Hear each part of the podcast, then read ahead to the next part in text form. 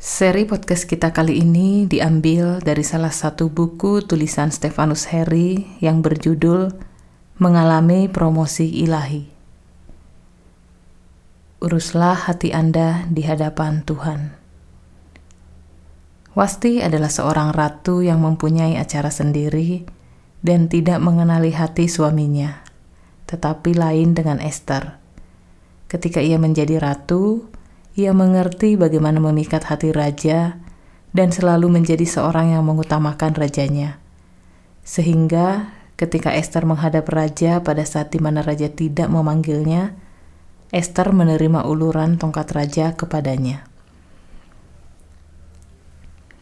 Esther 5 ayat 1 dan 2 berkata, Pada hari yang ketiga, Esther mengenakan pakaian ratu, lalu berdirilah ia di pelataran dalam istana raja, Tepat di depan istana raja, raja bersemayam di atas tahta kerajaan di dalam istana, berhadapan dengan pintu istana itu. Ketika raja melihat Esther, sang ratu berdiri di pelataran, berkenanlah raja kepadanya, sehingga raja mengulurkan tongkat emas yang di tangannya ke arah Esther, lalu mendekatlah Esther dan menyentuh ujung tongkat itu. Raja tidak menolak permintaan Esther karena Esther mengerti hati raja dan selalu memikat hatinya. Sehingga apa saja yang diminta Esther, hati raja luluh dan tidak kuasa untuk menolak permintaan Esther. Karena Esther telah menjadi favorit raja. Tetapi hal yang utama dari kehidupan Esther adalah di mana hatinya sanggup mengubah favor menjadi favorit. Sementara Wasti tidak mengerti hati suaminya dan tidak mengutamakannya. Akibatnya, Wasti terbuang karena menolak perintah raja, tetapi Esther mendapat uluran tongkat raja. Itu semua karena didikan Mordekai dan pengaturan Hegai yang mengatur urutan Esther sehingga mengatur momen dengan begitu tepat, mengatur gaun yang sesuai dengan kesukaan raja, dan mengatur cara-cara yang membuat raja terpikat kepadanya. Tetapi di sisi lain, Esther mempunyai hati yang mudah diajar, mudah dididik, hati yang menyerap pelajaran yang membuat Esther mampu mengikuti semua instruksi Hegai. Ujungnya, Esther mampu mengubah favor menjadi favorit.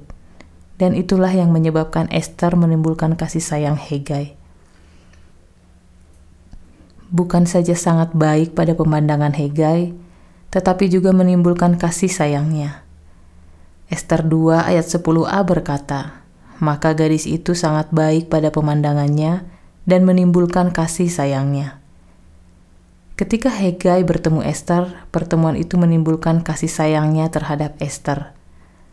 Mengapakah hal itu terjadi? Karena itu sedang berbicara tentang kualitas hati.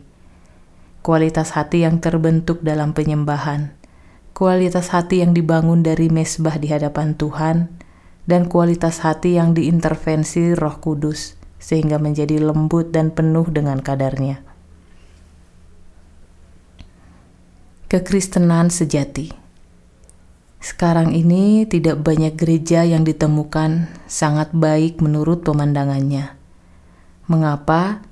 Karena banyak gereja yang terlalu sibuk dengan acara dan program, sehingga mereka lebih sibuk mengejar kesukaan terhadap materi dan mengajar jemaat mencintai harta, serta mengabaikan hatinya, bukan lagi mengutamakan Tuhan, tidak lagi memberi hati untuk diintervensi oleh rohnya, dan tidak ada space bagi rohnya untuk bekerja di hati jemaatnya. Sekarang ini sedang terbentuk gereja tanpa Kristus. Seluruh aktivitas pelayanan bukan mengarah kepadanya, karena pusat pelayanan itu bukan kepada Kristus. Lalu kepada apa? Kepada kesuksesan. Kesuksesan yang mengandung bau kedagingan dan keduniawian. Itu sebenarnya api asing yang menjijikan di hadapannya. Mengapa? Karena kesuksesan yang mereka maksud adalah tentang pencapaian. Tetapi kesuksesan sejati itu bukan tentang pencapaian, bukan tentang kita yang mencapainya, tetapi tentang bagaimana hati kita bisa menangkap untuk melakukan pekerjaannya dengan benar dan tepat di hadapannya. Juga kesuksesan itu bukan tentang melekat kepada harta, tetapi tentang melekat kepada kehendaknya. Ketika hal itu terjadi, Roh Kudus berduka, dan Roh Kudus tidak betah tinggal di antara jemaat yang tidak tertuju kepadanya, dan akhirnya Roh Kudus meninggalkan mereka. Ketika Roh Kudus meninggalkan mereka secara fisik dan secara aktivitas gereja tetap berjalan dengan baik, tetapi anehnya tidak ada seorang pun yang merasakan kehilangannya. Mengapa? Karena banyak gereja yang tidak mengenal Roh Kudus, tidak bergaul dengan Roh Kudus, dan tidak mempunyai pengalaman tenggelam dalam hadiratnya. Banyak gereja sekarang ini miskin hadirat Tuhan, dan mereka berdebu karena telah ditinggalkannya. Ketika saya melayani di gereja lokal di Jakarta, saya merasakan Roh gereja ini dingin dan orang-orang yang di dalamnya tidak menyukai hal-hal dari Tuhan. Sekalipun sesi pujian dan penyembahan begitu meriah karena mereka di panggung itu banyak pemain musik dengan berbagai alat musik, tetapi kondisi gereja itu dingin dan berdebu. Yang saya maksud dingin itu adalah tanpa jamahan Roh Kudus, dan yang saya maksud berdebu itu adalah tanpa kehadirannya. Rasanya saya malah sekali untuk memuji Tuhan juga malah sekali untuk berkhotbah. Hanya sesekali saja saya bertepuk tangan ketika gembala jemaat setempat yang duduk tepat di sebelah saya melihat ke arah saya. Maka ya saya bertepuk tangan sedikit. Sekarang ini bermunculan gereja tanpa Kristus. Hal ini berarti gereja tanpa kehadiran Tuhan, dan gereja dengan kebenaran yang menyukakan telinga jemaat dan bukan kebenaran yang Tuhan mau sampaikan kepada jemaat. Itu adalah gereja duniawi. Gereja duniawi tidak berpusat kepada Yesus, tidak mengasihi Yesus dan tidak hidup di jalan-jalannya. Jangankan melakukan kehendak Bapa Surgawi, sebetulnya gereja itu telah menggabungkan kehidupan rohani dengan kedagingan dan keduniawian. Sangat mengerikan karena tidak pernah membahas dosa, padahal ada dosa-dosa yang begitu tampak di dalam jemaat itu. Di saat penting ini, uruslah hati Anda dengan benar.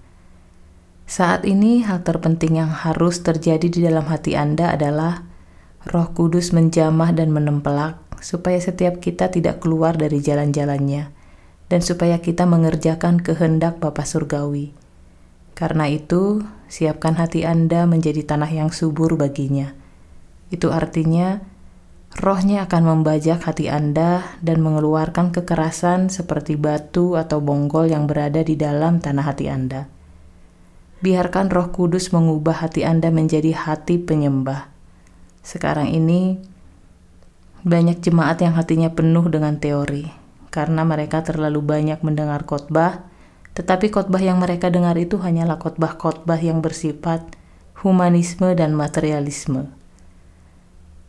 Biarlah hati Anda ditemukan Roh Kudus sebagai hati yang terus mengeluarkan keharuman yang menyukakan hatinya. Sekalipun diperhadapkan dengan berbagai masalah, tetapi penyembahan Anda tidak padam, melainkan tetap menyala indah di hadapannya.